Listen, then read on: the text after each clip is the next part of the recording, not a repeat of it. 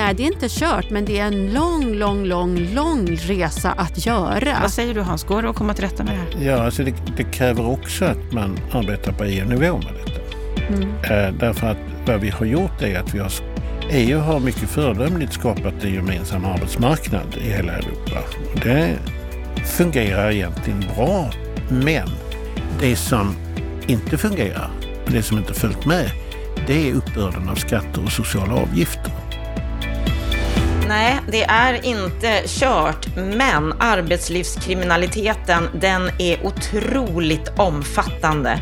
Och den är väldigt utspridd och väldigt svår att komma till rätta med. Men nu har vi fått en ny rapport som Ansvar säkerhet fått i uppdrag att ta fram för produktivitetskommissionen. Och Hans Jeppsson som vi nyss hörde här, han har varit med och tagit fram den. Och Jessica Löfström som är VD på Ansvar säkerhet också varit djupt involverad. Produktivitetskommissionen kommer att ta denna till sig och vad som händer med den, det får vi se. Men vad vi vet, det är att arbetslivskriminaliteten behöver hanteras och förbättras. I slutet av det här samtalet så kommer Lennart Weiss att ge sina kommentarer. Han är ju djupt involverad i den här frågan. Varmt välkommen till ett nytt avsnitt av Bopolpodden och om en fördjupning av arbetslivskriminaliteten. Jag heter Anna Bellman.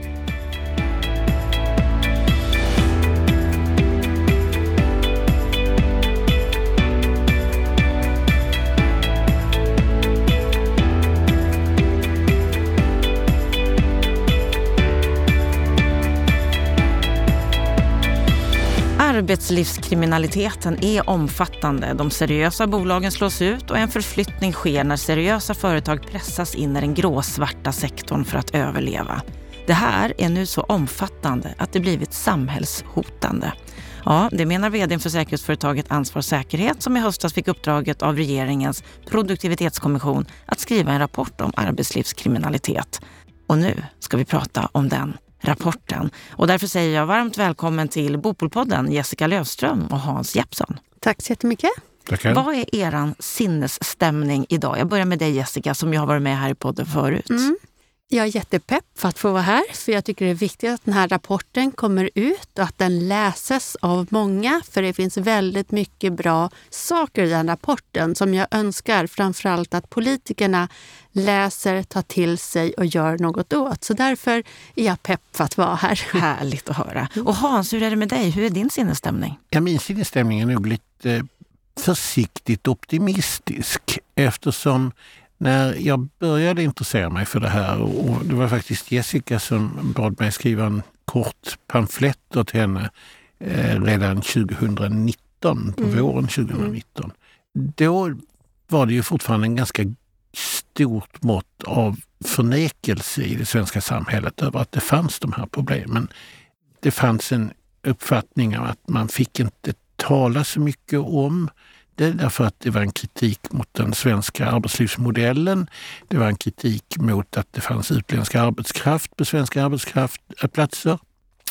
Och det var överhuvudtaget eh, hade varit en icke-fråga. Vilket var intressant därför att i Norge hade frågan blivit uppmärksammad på politisk nivå från både Höjre och från Arbeiderpartiet flera år tidigare. Mm. Mm. Och jag får, om man får inflika där så var det ju också så att arbetsgivarorganisationerna ville absolut inte att man talade om det här. För att då menar de att man svärtade ner deras branscher och det ville man inte. Och därför är det så viktigt att det pratas om nu. Mm. Men där skedde ju en förändring kan man ju ändå mm. säga. När byggföretagen, alltså branschorganisationen Byggföretagen och fackföreningen Byggnads och andra det var fler eh, enskilda byggföretag, det var andra organisationer, gick in och skapade Byggmarknadskommissionen 2019. Mm. Eh, som ju då hade till uppgift att titta på just arbetslivskriminaliteten i byggsektorn. Mm. Mm, och nu i höstas då så fick ni på Ansvar säkerhet eh, uppdraget att göra den här rapporten. Jessica, du är VD. Mm. Där ni är ett säkerhet och granskningsföretag. Mm. Nordens ledande specialist inom säkerhet och granskning mm. av just socialt ansvar, arbetslivskriminalitet, kontroll av arbetsrättsliga villkor. Var, varför tror du att det var just ni som fick det här uppdraget av Produktivitetskommissionen? Alltså vi, man kan säga jag har ju drivit de här frågorna även i, när jag var vd i min, i, min, i min tidigare roll som vd på ett byggbemanningsföretag. För vi kände av, alltså redan när jag startade egentligen år 2000, att det fanns, det fanns ett problem med väldigt mycket svarta företag eller kriminella företag i byggsektorn. Då, på den tiden, år 2000, när jag började på det företaget, så var det inte eh, arbetskraft som, som jobbade för extremt låga löner, vilket har eskalerat och skenat iväg idag. Utan man tjänade pengar på andra sätt. Men eh, jag tror att i och med att jag drivit de här frågorna så länge så har jag också pratat några gånger med Hans Lindblad eh, om de här frågorna och han vet att jag driver de här frågorna hårt. Så kanske därför att vi fick det. Mm. Och då har ni alltså anlitat eh, Hans Jeppsson. Du Hans som bland annat har arbetat som statssekreterare, offentlig utredare och seniorutredare i Byggmarknadskommissionen som ju då leddes av Stefan Attefall. Och ni kom ju med er slutrapport 2022. Januari 2022. Just det, för två år sedan. Mm. Det stämmer. Och om man då tittar på, på det här, var, var, varför anlitade ni Hans, Jessica, till det här? Jo, för som Hans säger så anlitade jag ju Hans när jag var kvar som byggbemannings-VD för att vi upplevde att många pratade om feno eller fenomenet, om problemet med mycket svart arbetskraft. Men det fanns liksom ingen rapport eller ingenting att hålla i. Och det upplevde jag att politikerna efterfrågade, att de ville ha någonting att hålla i. Och då anlitade jag eh, Hans Jeppsson för att skriva en, en mindre rapport då, så att de hade någonting att hålla i. Och sen det tror jag sen ledde till, så småningom så startade ju Byggmarknadskommissionen och då var det faktiskt, då föreslog jag för dem att ta in Hans Jeppsson för att han kan de här frågorna nu. Mm. Ja, kan och kan, men jo, man får ju, eh, när man liksom har kontakter och det kräver att man kontaktar olika organisationer, strukturer, myndigheter och så vidare, så får man ju en ganska hemsk bild av bredden på det här. Det är ju inte att det bara handlar om en metod eller en sak. Utan det här är väldigt många olika upplägg som lagrar över varandra, som går parallellt. Och när vi då fick då Byggmarknadskommissionens rapport för två år sedan så var det ju väldigt alarmerande siffror i den rapporten. Hur ser det ut idag? Har det liksom förvärrats eller förbättrats de här två åren? Så det tror jag att, att Jessica är bättre på att svara. För min, alltså vi har ju sett det senaste året är ju en ganska kraftig tillbakagång av byggandet som ett resultat av den ekonomiska eh, alltså inflationskrisen och därmed eh, de höjda räntorna. Eh, och det ställer ju saker och ting upp och ner på väldigt mycket på byggmarknaden. Så att jag tycker inte att man kan säga att de motåtgärder som har vidtagits hittills har varit, fått effekt. Men det ligger i pipelinen en del saker som kan komma att få effekter. Hur utbrett är arbetslivskriminaliteten idag? Kan vi, kan vi få någon rapport nu på det? Nu finns det tyvärr inga siffror. Eh, det här är ju väldigt svårt att liksom finna siffror på. Det ligger i sakens natur att det här är dolt, att det är hemligt, det är svarta löner och det är kriminella och så vidare. Så det är väldigt svårt att få fram siffror. Men jag skulle hävda att det är extremt utbrett och det har liksom spridit sig från byggsektorn och ut i många andra sektorer. Och eh, idag ser vi det här liksom överallt när vi går in och gör kanske städkontroller på städföretag eller gör kontroller på transportföretag. Det är ett jätte jätteproblem bland transportföretagen där man också använder under... Så fort man inte har bara egenanställd arbetskraft utan man anlitar i sin tur specialister eller andra entreprenörer. Då blir kriminaliteten blir det, ja. större. Men ja. du sa att, att det började inom bygg och sen har det spridit sig mm. till andra sektorer. Hur, hur, hur ser det ut inom bygg jämfört med andra alltså, sektorer idag? Är, är det fortfarande värst inom bygg?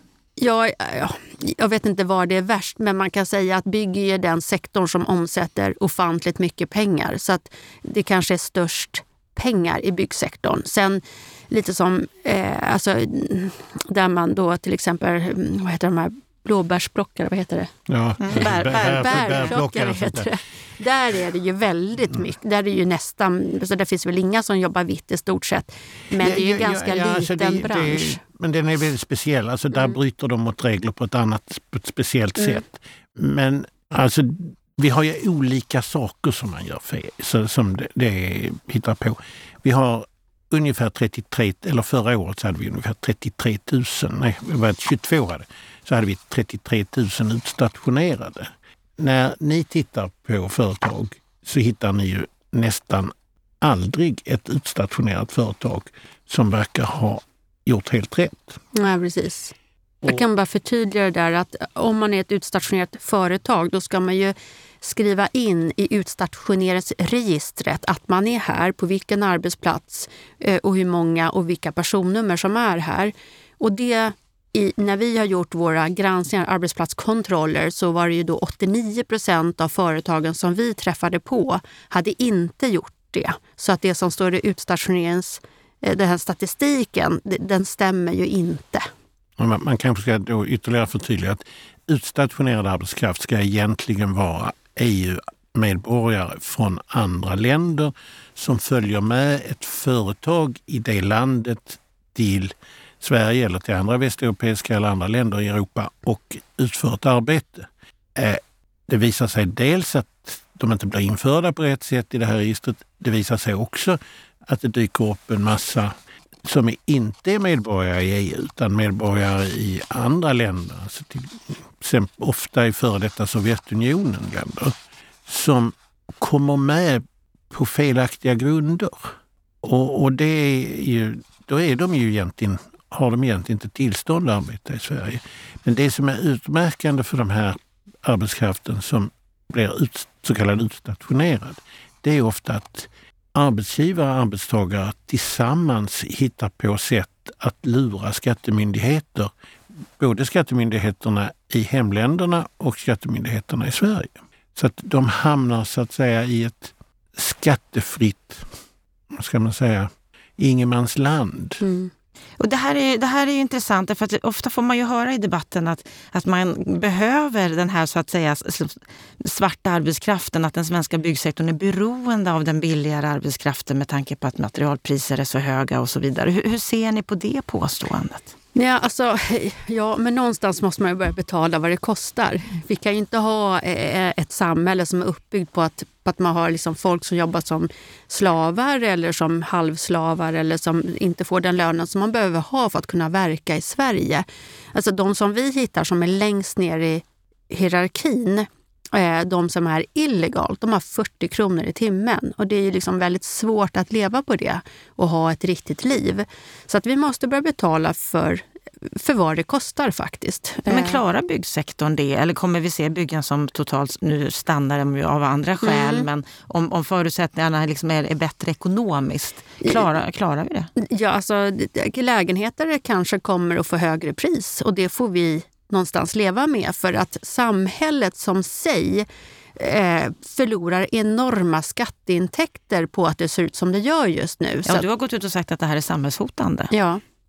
Jag tror man ska vara klar över att de som tar hit arbetskraft som jobbar för 40 kronor i timmen, det är liksom inte huvudentreprenörerna.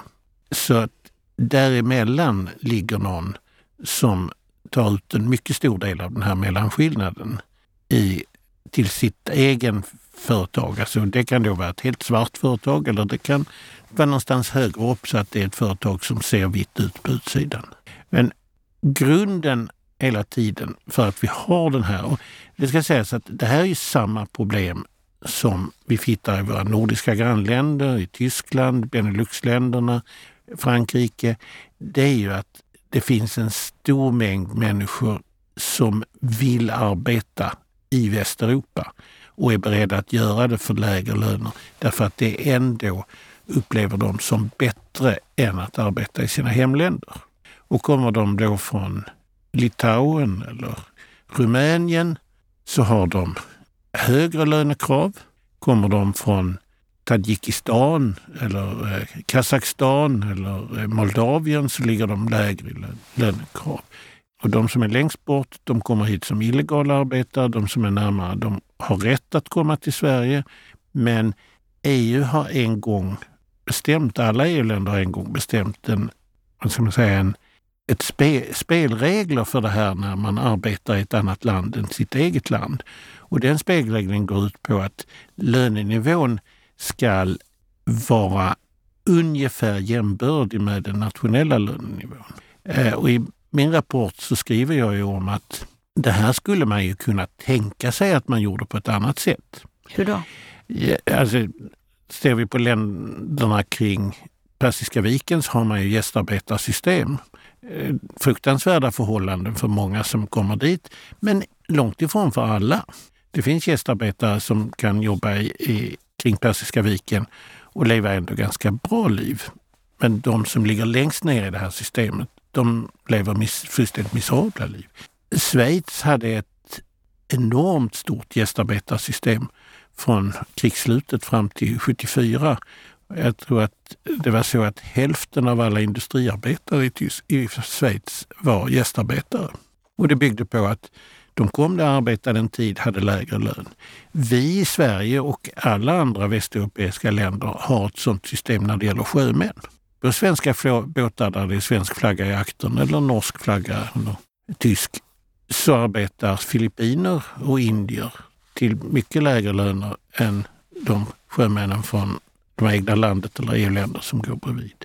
Men det är inte den ordningen som vi införde och vi har inga...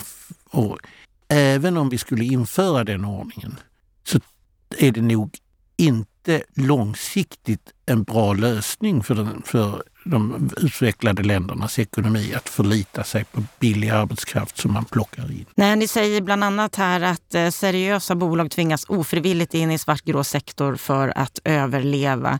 Seriösa företag, vita arbetstillfällen slås ut. Och det finns ju lite gamla siffror på det här från 2020 som Skatteverket har tagit fram om svartarbete mm. där det sägs att, att skatteundandragandet det uppgick till 17,6 miljarder om året i den här sektorn. 2020. Och, det är och då är det ändå bedömning. en stor underskattning. Mm. Ja, för att det är så mycket som är dolt. Mm. Ja, därför att vad de tittar på det är skatteundandragandet i svenska bolag som man hittar. Och då hittar man det här traditionella gamla skatteundandragandet där man betalar ut övertidsersättningen i form av eh, en spis eller någonting sånt där. Mm. Så det är svårt att sätta hittar, siffror på det här. Ja, det är svårt man, att säga hur stort det är för att det är så ja. mycket som är dolt. Men det vi kan konstatera det är ju att det är, det är omfattande. Det är, omfattande. väldigt, väldigt, väldigt omfattande. Och att, eh, och att de flesta har... utländska företag ägnar sig åt det. Alltså, det ska... väldigt många gör det. Ja. Eh, och framförallt när vi, för det som, jag, som vi skriver i vår, i vår, eh, en annan rapport som vi gjorde om arbetslivskriminalitet som är lite statistik från ansvarig säkerhets eh, eh, verksamhetsår 2022. Och där är det där att 89 procent av de utländska bolagen som är så kallade utstationerade, det vill säga betalar sociala avgifter och skatter i hemlandet, de anmäler sig inte till det registret som de ska enligt lag och där huvudentreprenören har ett eh, lagkrav på att de också ska tillse att det är gjort. Eh, och det finns ju en anledning till det och det är för att de vill dölja hur det verkligen ser ut. Så att mörkertalet är gigantiskt skulle jag säga. När man läser er rapport mm. så står det så här på sidan fyra i sammanfattningen att det finns ett stort antal aktörer, både inhemska och utländska, som använder arbetslivskriminella upplägg men som knappast själva anser sig ägna sig åt kriminalitet. Mm. Är det, det så? Det är nog säkerligen så. Alltså de uppfattar, det kan finnas litauiska byggbolag, de uppfattar att ja, men arbetar man i Sverige så ska man väl inte betala några skatter till Sverige eller till Litauen. Men hemma i Litauen så tycker de att de kan visa upp ett företag som är framgångsrikt på exportmarknaden. Och så skriver ni så här, som är intressant, nästa mening. Det finns ännu fler som medvetet väljer att blunda för att de ja. gör affärer med aktörer som uppenbarligen inte kan ha rent mjöl i påsen, alltså svenska bolag. Mm. Absolut. Absolut. Alltså, först ska vi komma ihåg att det finns svenska, svenskregistrerade bolag som gör nästan exakt samma sak som de här utländska. De tar hit utländsk arbetskraft. Du kan hitta svenskregistrerade företag som inte har svenska ägare, inte har några svenska anställda. Men genom att de ser svenska ut som ett svenskt aktiebolag så är det lättare att visa upp en till synes fasad. vit fasad. Mm. Men sen har du den här stora biten och det är ju företag som finns någonstans i den här underleverantörs, underentreprenörskedjan som går in och anlitar ett ett företag som är billigt, de är snabbt, de gör det, men de gör det och man vet naturligtvis att det här inte är helt rent mjöl i påsen.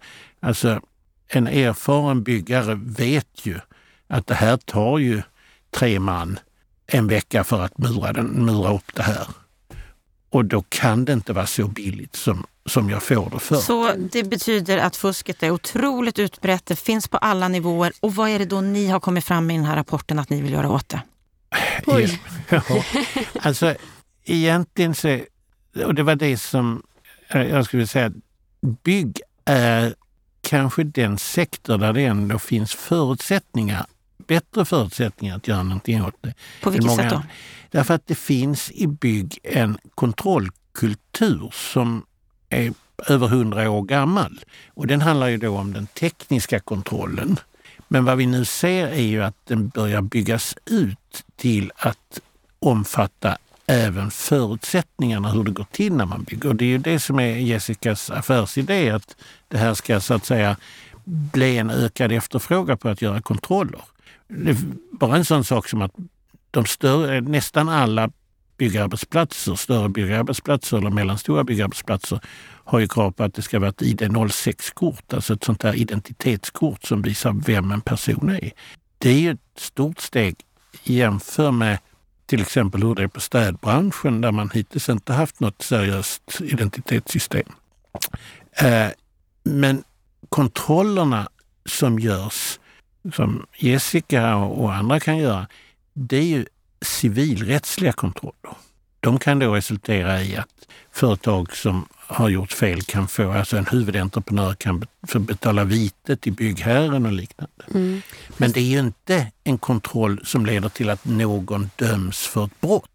Där krävs ju en annan form av mm, kontroll, mm, myndighetskontroll. Men, men det ni föreslår i rapporten är att kontrollerna ska öka? Är det det, är det, det du säger? Jag, jag, tror att det kommer bli mycket, alltså, i och med att vi har varit i ett tillitsbaserat samhälle, vi har en stor demokrati i Sverige, jag tror också det pratas om i rapporten, eh, och vi har en stor demokrati i Norden. Det gör att vi har, vi har liksom tillitsbaserande system. Och när det kommer in eh, folk med andra kulturer kanske eller andra sätt att se det, eller att man ser här kan vi göra business, för det är tillitsbaserat, då, då är det ju liksom problem som sker i och med att man använder sig av vår tillit. Så att nu måste man sluta med tillit och ha kontroller. Man måste gå ifrån policydokument, uppförandekoder och herregud som jag har hört talas om de här sanningsförsäkringarna till att ha inskrivet i avtal vad som gäller, vad som händer, att det blir en konsekvens i det fall att man bryter mot avtal eller bryter mot lag. Och vad är det för konsekvenser man det ska få? Det måste vara viten så att det blir kännbart. För att idag är lagen lite eftersatt i väldigt mycket så att du får nästan, alltså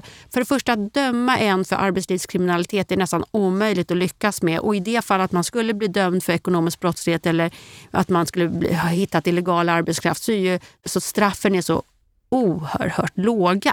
Det är därför kriminaliteten drar sig till byggsektorn. Det finns jättemycket pengar, det är väldigt låga straff och det är väldigt dålig kontroll. Det är tillit som, som liksom har varit allrådande och nu så tror jag att vi måste komma in till att det blir mer kontroll. Så mer kontroll och straff om man inte klarar sig, ja, viten eller andra viten. typer av... Sen ska jag också säga, vi har ju alltid parallella processer. Så att dels har ju vi då alltså i avtal att straffen för de som gör fel det är ju liksom viten då, att det ska svida mer än, än vad det kostar när man gör fel. Att det måste kosta att göra fel. Och det där ser vi att när man har viten så är det en gång man får viten, kanske två gånger. Sen, är, sen har man rättat sig för att det svider så mycket, det kostar för mycket. Men vi har också en parallell process där vi också samarbetar jättemycket med myndigheter. Vi hade förra veckan en arbetsplats där, man hade, där vi hittade illegal arbetskraft. Och då pratar vi med vår beställare eller vår eh, uppdragsgivare så berättar vi att vi har hittat en person som är här illegalt. Eh, vi skulle vilja rapportera till gränspolisen så de får göra det de behöver göra. Så är det okej okay för er? Säger de okej, okay, så är det så. Då tar vi kontakt med gränspolisen. Vi berättar att personen är på plats. Gränspolisen omhändertar den. När personen är omhändertagen, då inför vi mera vid 06 och myndigheterna så att de kan göra det de behöver göra. Och då blir det, samtidigt som vi har det här, då blir det ju Tittar man på eh, avtalet vi har, ja, nu blir det straff här eller viten för att nu har ni gjort fel. Men samtidigt så pågår det då, eller startar en legal process som får ha sin gilla gång. Men den legala processen har ju aldrig stoppat kriminella, utan den får ha sin gång och det brukar ta massor med år, upp till tre år kan det ta innan man får upp ett åtal. Eh, så därför är det här att det är som två processer, processer som måste ske samtidigt. Det ni också lyfter här som är viktigt eh, för att komma till rätta med eh, arbetslivskriminaliteten, det är också åtgärder från bransch och arbetstagarorganisationer. Och där skriver ni så här att fackförbundens förmåga att upprätthålla respekt för ingångna kollektivavtal är svag. Att hävda att Sverige har ett adekvat system för att upprätthålla principerna bakom utstationeringsdirektivet är vilseledande. På sikt måste man förstå att den roll som arbetstagare och arbetsgivarorganisationer har i Sverige kan komma att ifrågasättas både intellektuellt och juridiskt. Ja. Vad ska de göra? Alltså, det stod en stor strid om det här för vad är det, 16-17 år sedan, Lavalstriden. Mm. Mm. Eh, och det har funnits mycket upprörda känslor för att lagen inte har varit tillräcklig. I höstas så var första gången Byggnads införde en så kallad indrivningsblockad trots att man har pratat om hur viktigt det är att man upprätthåller. Och en indrivningsblockad är då till för att se till att de företag som faktiskt har skrivit på ett kollektivavtal faktiskt lever upp till det. Det system vi har används kollektivavtal som skrivs på av enskilda företag som inte är med i en arbetsgivarorganisation, vilket ofta de här utländska företagen de skriver på glatt och sen struntar de i avtalet. Då blir det bara whitewash. Det blir bara ett sätt att visa upp en, en fasad, säga vi har avtal. Men de följer inte. Och man måste ändå till slut säga att vad blir då resultatet? Ja, det blir ju då resultatet att de hederliga företagen, de försvinner. Då försvinner också den kompetens som finns ute regionalt i olika eh, städer i Sverige att kunna genomföra byggprojekt. Det betyder att man tar in utländsk arbetskraft. De är inte lika välutbildade. Det leder till risker på arbetsmiljön, men det leder också på sikt till rena konstruktionsrisker. Balkonger som rasar ner. Jag tror att man fick bygga om ett, ett stort byggprojekt här på Södermalm eh, förra året för att man hade gjort armeringen i, i grunden var felgjord. Det kostade hundratals miljoner. Eh, vi hade en bro som rasade över en järnväg för en tio år sedan som berodde på att man inte kunde läsa ritningarna på hur man skulle göra gjutformen. Det finns så att säga en risk för att vi får en sämre byggkvalitet. Vi får ökade kostnader på sikt. Vi, får ett, vi förstärker problemet med att vi har arbetslösa i Sverige som inte kommer in på arbetsmarknaden. Det är klart att inte anställer man någon, någon med svag kompetens för att hjälpa till på ett bygge när man kan få någon för 40 kronor i timmen. Mm. Men vad, vad, vill ni att bransch och arbetstagarorganisationer ska göra? Vilka åtgärder vill ni se från dem? Alltså, branschföretagen ska upprätthålla en hög kvalitet på de medlemmar som de har. Det ska vara eh, liksom en det ska vara ett tecken på att det är ett seriöst företag, att de är med i ett branschföretag. Det måste betyda att de måste göra kontroller innan de släpper med in några företag. Och löpande kontroller. Och löpande kontroller, mm. Facken måste använda den juridiska makt som faktiskt finns i kollektivavtalen att gå ut och kontrollera lönerna ordentligt. Och det kräver att man faktiskt kräver in lönebeskeden med hjälp av revisorer så att man kan se att det här är löner som betalats ut. Och Byggnads är ändå ett starkt fackförbund. Men på andra branscher så tror jag att där måste de stora starka eh, facken som finns på marknader där det här problemet är litet, de måste hjälpa till att eh, om vi ska ha kvar ett system som bygger på kollektivavtal även för utländsk arbetskraft. Vi har inte några gigantiskt stora problem med arbetslivskriminalitet när det gäller individer som bor i Sverige permanent, vare sig de är svenskfödda eller de är invandrade. Initialt är ju gruppen nyanlända till Sverige, det är en grupp som hamnar i den här arbetslivskriminaliteten. Men efter en tid så försvinner de därifrån. Så det ni vill se det är ökade kontroller på alla nivåer, mm. både när det gäller från myndigheter, ifrån arbetsgivarorganisationer mm. och ifrån beställare mm. eh, och de som anlitar ja. underentreprenörer. Och nu har ni sammanställt detta i den här rapporten, lämnat över det till regeringen för några nej, dagar nej, sedan. Nej. Vi har lämnat det till Produktivitetskommissionen. Ni har lämnat det till Produktivitetskommissionen. Produktivitetskommissionen är då en av regeringen tillsatt offentlig utredning. Den kommer nu att använda vår rapport och flera andra rapporter som ett underlag. Och då tror jag att de kommer att lyfta fram problemen med produktiviteten i byggsektorn. De kommer också säga, hänvisa då kanske till att det är väldigt svårt att visa exakt hur den illegala och svarta arbetskraften påverkar produktiviteten men att det långsiktigt finns ett strukturellt problem om man inte kommer till rätta med detta. Mm. Det här blir liksom som en... Det leder till ett kluvet och delat samhälle. Och är det så att vi ska göra större satsningar på att komma till rätta med den vad man säga, bostadssituation som kan på grund av demografin blir allt mer och mer pressande, så är det också viktigt att det inte blir resultatet av det inte blir att vi så att säga permanentar ett gangstervälde. Vad som har kommit fram ytterligare den här tiden är ju också att det finns en starka kopplingar mellan det som vi ser som den vanliga kriminaliteten, gängkriminalitet, mc-gäng och så vidare, och arbetslivskriminalitet. Det hör ihop? Det hör ihop. Inte nödvändigtvis att det alltid är samma individer, men de kan ha beröringspunkter. Och vad vill ni att våra högsta politiker ska, ska, göra? Lagstifta, lagstifta, lagstifta. Lagstifta, mm. resurser till de utredande myndigheterna. Mm. Krav, även statens byggarbeten måste bli bättre kontrollerade. Mm. Alltså det är inte så att Trafikverket är ett föredöme nödvändigtvis när det gäller att kontrollera underentreprenörernas eh, karaktär.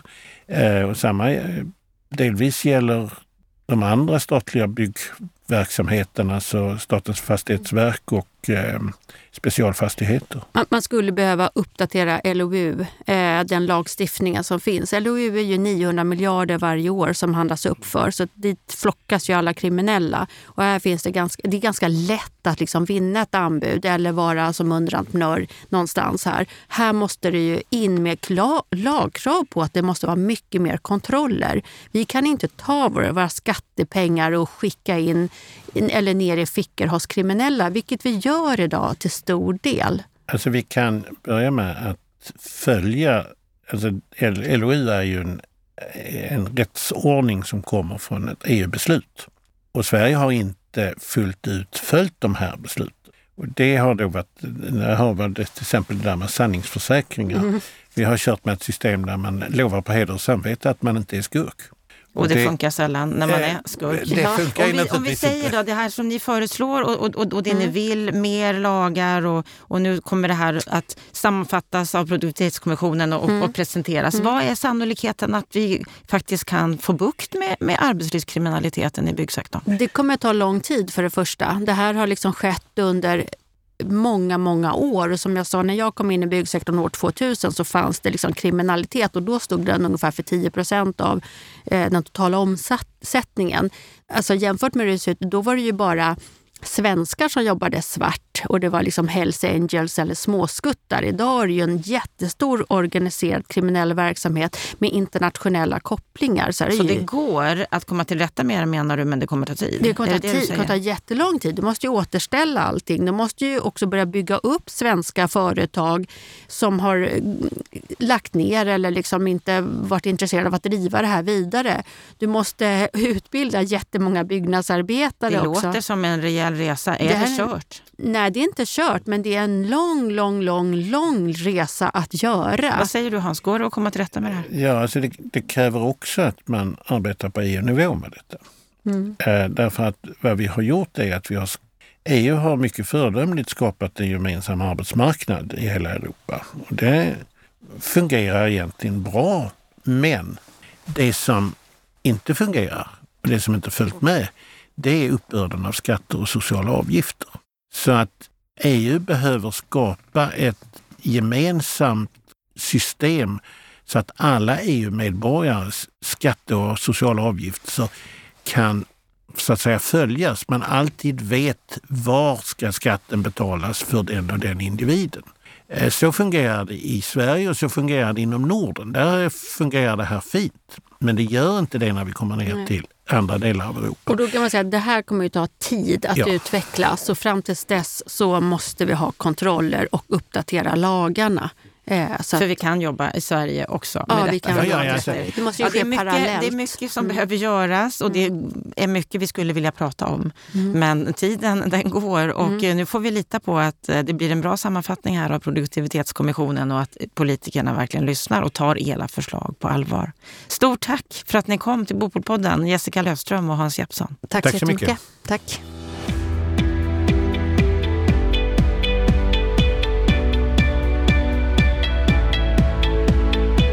Ja, då har vi hört samtalet med Jessica Lövström och Hans Jeppsson.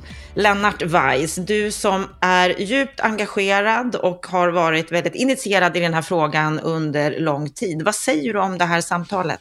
Ja, först måste jag få göra en kommentar på lite personlig nivå. Det är ganska länge sedan jag träffade Jessica nu och, och pratade med henne och eh, jag slås av att hon i det här samtalet är engagerad men också eh, glad. Alltså jag, jag hör att hon mår bra. Och då kan jag säga så här att hon har alltid varit engagerad under de år jag har lärt känna henne och träffa henne.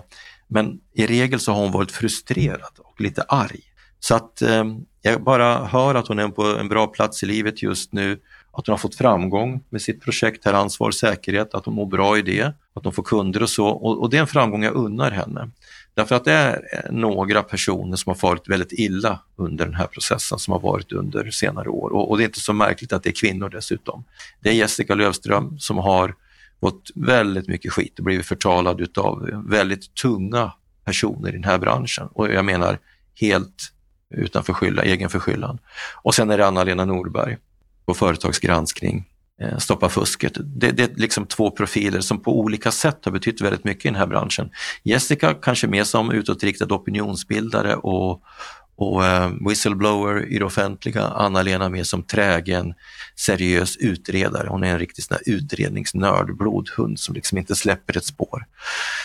Och de har, de har farit illa båda två. Men jag vet att de båda mår bra idag och de gör bra saker och de blir uppskattade. Så det är bara en sån där randanmärkning som jag tycker man måste få fälla också och inte bara prata om det, det sakliga, så att säga, även om det ska stå i fokus. Men människor betyder mycket och de här människorna har gjort väldigt stora insatser. Så att, eh, jag är glad att höra att eh, Jessica mår bra. Ja, det tycker jag eh, verkligen att hon gjorde och det gjorde ju Hans också. Och när vi pratade om just arbetslivskriminaliteten, att den är omfattande och att det är många utländska bolag som är, som är liksom orsaken till det här, så sa ju också Hans att svenska bolag är inte, inte bättre. Va, vad säger du om, om den ståndpunkten? Det var väldigt bra att han sa det, um, för, det, för så förhåller det sig. Jag kan säga så här, baserat på de analyser som vi gör och vi jobbar ju med en typ av fördjupade bolagsanalyser som jag har berättat om många gånger, så gör vi den iakttagelsen att det finns tre kategorier bolag där jag skulle säga att fusket är gränslöst. Det är svenska AB, alltså helt svenska AB som bara har utländsk eh, arbetskraft.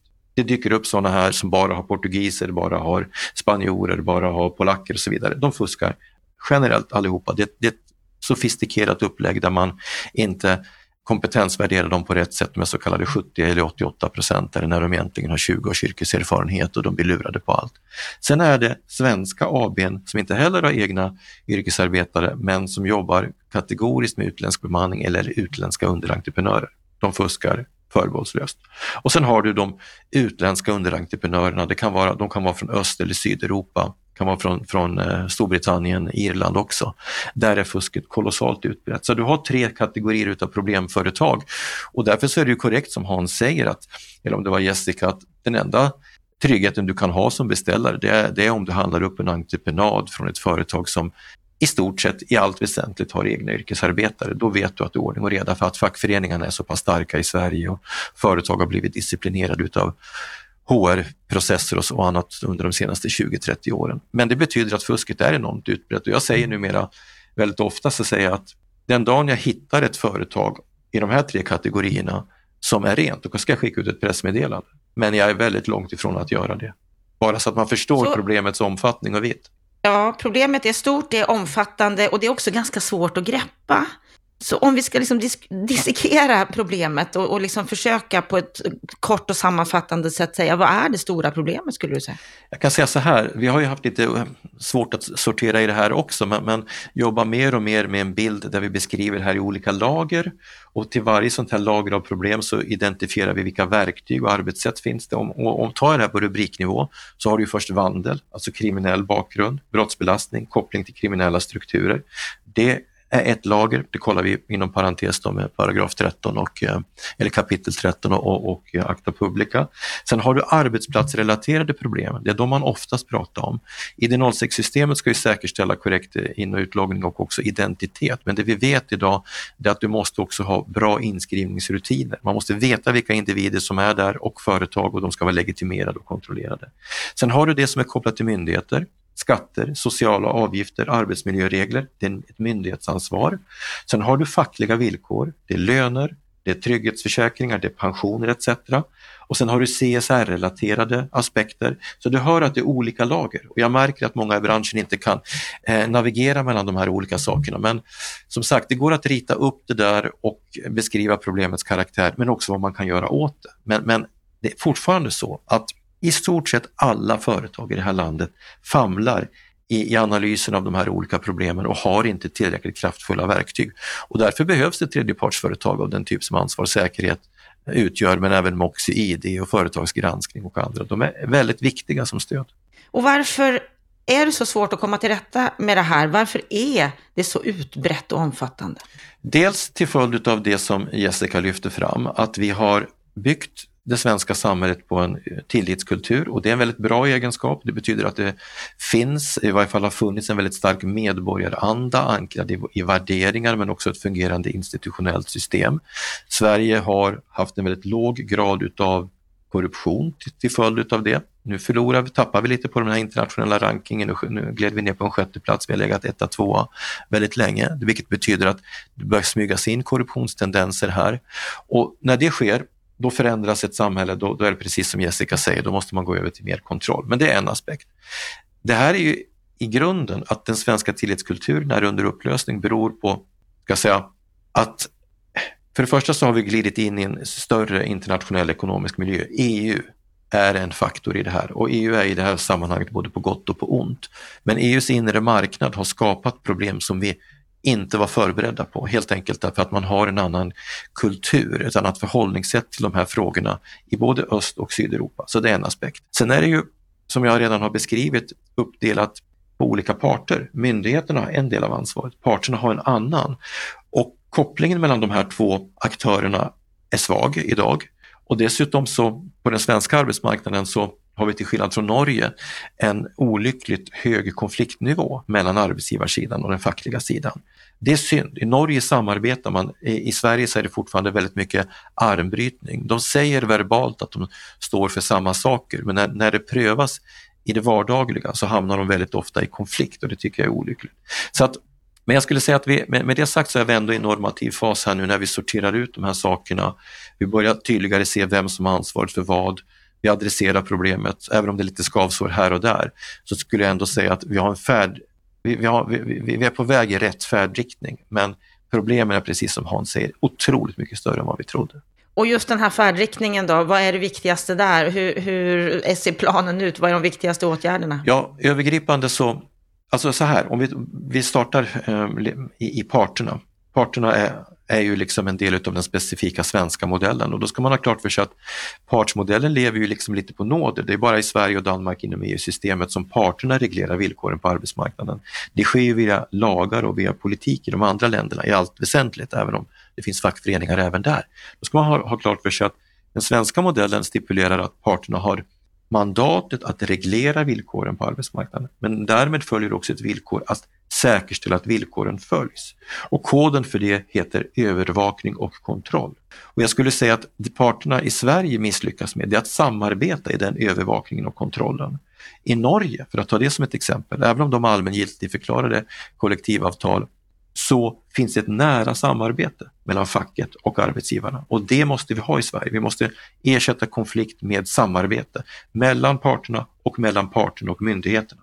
Mm, då är du inne på det som Jessica också lyfter fram väldigt tydligt, att kontrollen är otroligt viktig. Kontrollen är kolossalt viktig, men också eh, inställningen till varandra. Och eh, vår koncernchef Jimmy Bengtsson som ju är i den norska miljön numera, han är jätteförvånad när han kommer tillbaka till Sverige och ser hur stort avståndet är i Sverige mellan myndigheter och parter och respektive mellan de här två parterna. Så att eh, vi har en resa att gå och jag skulle säga lär av Norge. Den som vill titta på hur upphandlingar går till i Norge, googla på Oslo-modellen så ser ni hur Oslos kommun, olika fylken i Norge beter sig i offentliga upphandlingar. Det kan varje fall kopieras rakt av, av av privata beställare i Sverige. LOU förhindrar det i Sverige, men än så länge pågår en process där också. Men privata beställare kan kopiera Oslo-modellen närmast rakt av och då får man en mycket, mycket högre ribba för företagen att agera under. Tack Lennart för din kommentar. Tack till dig som lyssnar på Bopolpodden. Det här är ju otroligt angelägna, aktuella och svårnavigerade ämnen som vi tar upp här. På fredag, då är vi tillbaka igen med veckans Aktuellt, det senaste som har hänt under veckan som har gått. Så jag hoppas att du är med oss även då och att du fram till dess har en riktigt fin vecka.